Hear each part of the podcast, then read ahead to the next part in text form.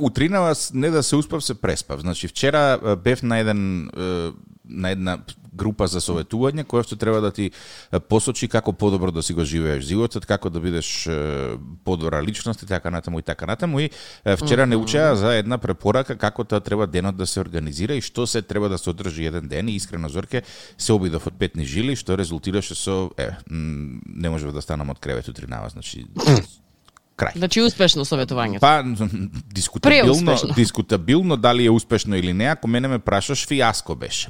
Затоа Добра. што вели што треба да правиш? Треба да спиеш 8 сати на ден и треба Добра. да работиш уште додатни 8 сати на ден. Тоа се 16. Тоа се 16 часа. Ти остануваат 8 на располагање. И сега, ако земеш mm -hmm. да анализираш што све треба да се спика во тие 8 часа, нешто од овие другите две работи мора да се подскрати. Значи, пази, треба да одиш да купиш храна, треба да сготвиш два, евентуално три оброка на ден, треба да се истушираш, треба да се социализираш, треба да забришеш прашина, треба да усисаш, треба да фрлиш ѓубре, треба да подсредиш, треба да запереш, да запеглаш, да исушиш, да испеглаш. И, mm -hmm. нормално, од каде време за се ова? Нема и ќе земеш да кратиш од нешто. Од што ќе кратиш? Ако скратиш од работата, Прво од спиењето. Нема пари и кратиш од спиењето. -hmm. И место да си легнеш у 10 саат, како што обично треба за да станеш рано са бајла, ти си легнеш у 2 саат. Е тоа кај тик-так не функционира затоа што тик-так не може да функционира на 4 Евидентно. сати спиење. Добре. Евидентно. Значи, му викам, денеска ќе одам, втората лекција ќе му кажам, види, гуру, вака ова не оди. Значи, не може е, вака да се прави. Ако тргнеме од предпоставка дека мораш да работиш 8 часа и мораш да спиеш 8 часа, тогаш оние другите активности, братче, ќе си се делат една активност неделно. Не сите активности секој ден. Добро. Не, ја, ја мислам дека го имам решението за твојот проблем. Тебе не ти фалат сати. Туку? Ти фалат раце. Или ми фалат раце, ама и ми фали желба и мотивација. Евентуално плюс. Да, зошто, например, да ги правам сите тие работи. Едноставно, мислам дека е, е, е, нема потреба. На тема мотивација, слушав исто така еден мотивацијски гуру, една госпоѓа која што смета дека има точната формула, баш ја купив книгата сега, таа ми е една од следните за читање, и смета дека мотивацијата не постои. Односно, дека да чекаш да дојде мотивација ти е еднаква како да чекаш да добиеш седмица на лото, а лото никогаш да не си уплатил. Добро, И сметат и... дека начинот на кој што функционира нашиот мозок е да го избере полесниот пат. Ако треба да речеме да одбереш помеѓу бришење прашина и лежење да се одмориш, нормално дека мозокот ќе ти рече легни си да одмориш, ајде се прашина. Може и утре да се избрише прашина, односно прашина не се брише додека немаш на неја да оставиш порака. Или нешто слично. И вели го имам решението. Како? Одбројувам 5 4 3 2 1 и станувам. И во тие 5 и... секунди мозокот нема време да ти најде 268 е, причини зошто да не го направиш. Тоа едноставно решаваш во моментот и стануваш. Абе, баба ми на времето така исто викаш, абе, рипни од кревет и ќе видиш колку е полесно да станеш. Е, рипни да? Ај, Ама ај рипни да те видам, ај најди, знаеш што, мислам дека во филмовите, она која ги гледав суперхероите како висат, со прст се држат, за да не паднат у дупка, така? Таа mm -hmm. сила, што ја имаш, е, таква сила треба за да рипнеш од кревет рано на Савајле. Реално mm -hmm. тешко, ама ќе се ќе се преживее некако.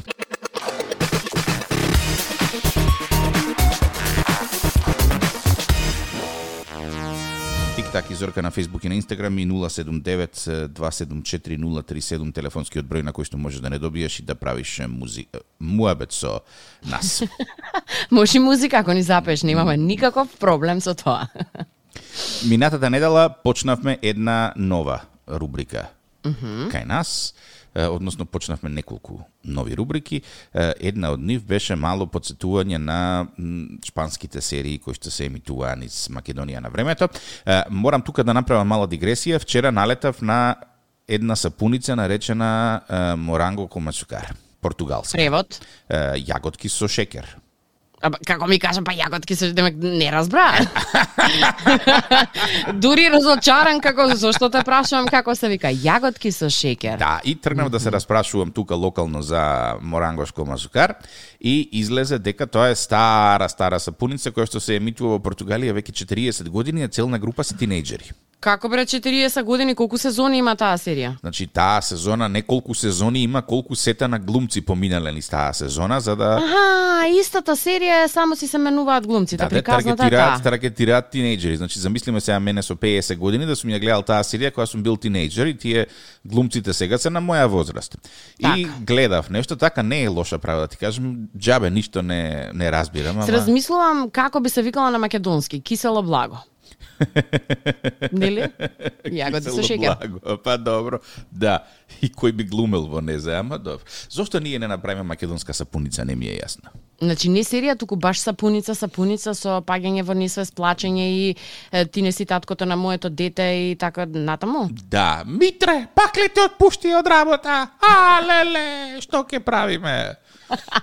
со сите тие ефекти и слични Мислам дека сите дома имаме по една сапуница, така да не дека ќе биде нешто многу поразлично од она што ни се случува. Телевиза presenta Шпанска серија на неделата. Español Celiar para Mundo. Шпанска серија на неделата. Телевиза presenta Шпанската серија за оваа недела звучи вака. Televisa presenta Esta tipa se está pasando de lista y no le corresponde. Приказна за две сестри, разделени од сиромаштијата. Едната започнува живот како милионерка, а другата е осудена на сиромаштија. 20 години подоцна, судбината одлучува дека е крајно време двете сестри да се сретнат. Héctor fue el causante de la muerte de mi hijo. ¿Te crees Но што кога двете близначки ќе се претворат во лути ривалки заради љубовта на еден маж.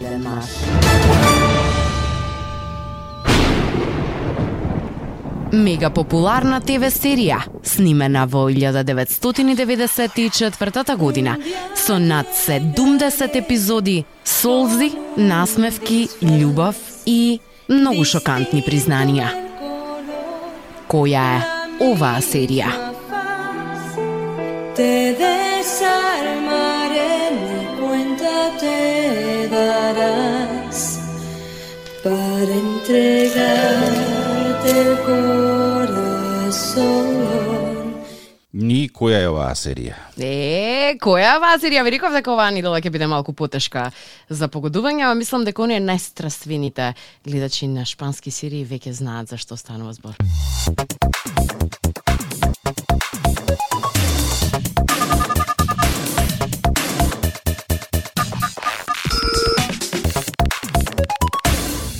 Тик-так и Зорка на Facebook и на Instagram и 079-274-037. Ти требаше да погодиш што е ова.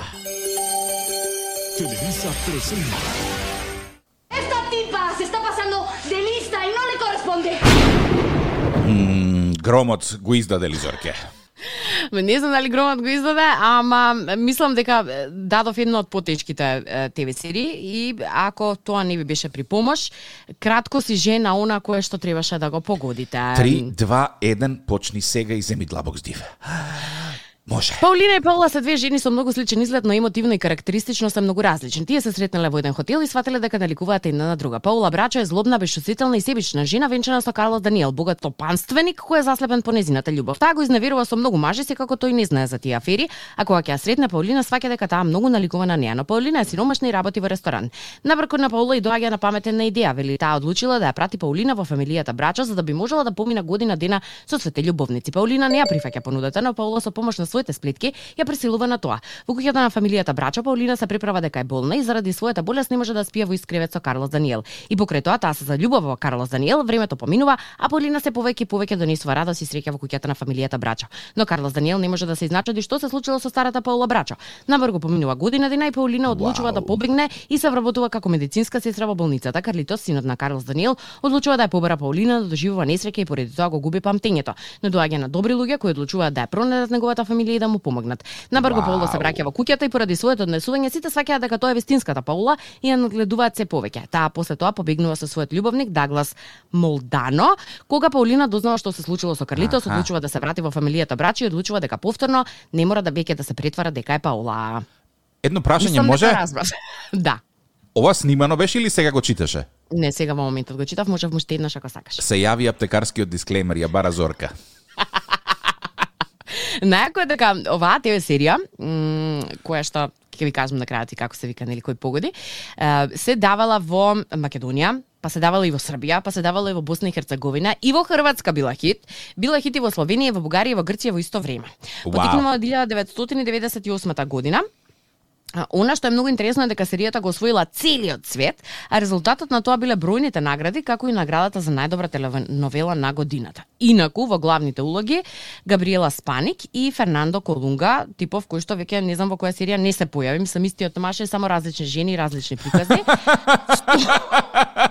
Тоа ти е македонскиот Ѓорги каталог Колозов. има, да. на млади години, да, да, да. Е, Земја на потекло на серијава е Мексико, а јазикот е шпански, број на епизоди крајни 102, а време трање на секоја епизода е 45 минути.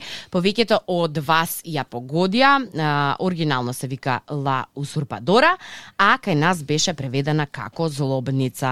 А знаеш ли што значи ла узурпадора? Еве, сега бидејќи тука се маткам по по по шпа... Узурпадора е некоја што го Узурпира. просторот Да. на другата, да, или узурпирачка, ама не убаво звучело на така ептен буквално преведено, па Ја одма ќе ти најдам болji болji превод. Ајде, како Спонзоруша, затоа што го бара.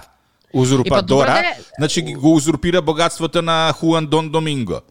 Што е тоа? било? Спонзоруша. Не беше Хуан Дон Доминго. Како и да се викаше сега, не можам ја да водам Карлос евиденција. Даниел, те молам немој да ги мешаш, истиот човек е цело време. Ете, за Карлос Даниел, значи тоа е тоа. Да, за Карлос Даниел. Ла узурпадора. А добро, една работа мене ме интересира. Карлос Даниел толку време не разбира дека ова не е таа? Зорки ќе нема сапуница ако разбере. Мислам тоа.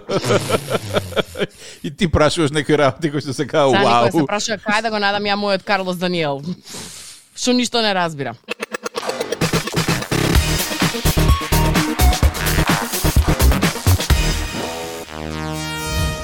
Тик-так и Зорка на Facebook и на Instagram и 079-274-037 телефонскиот број на кој што можеш да не добиеш и да правиш муабет со нас од време Едно на време прашање. на било која тема. Еден одговор.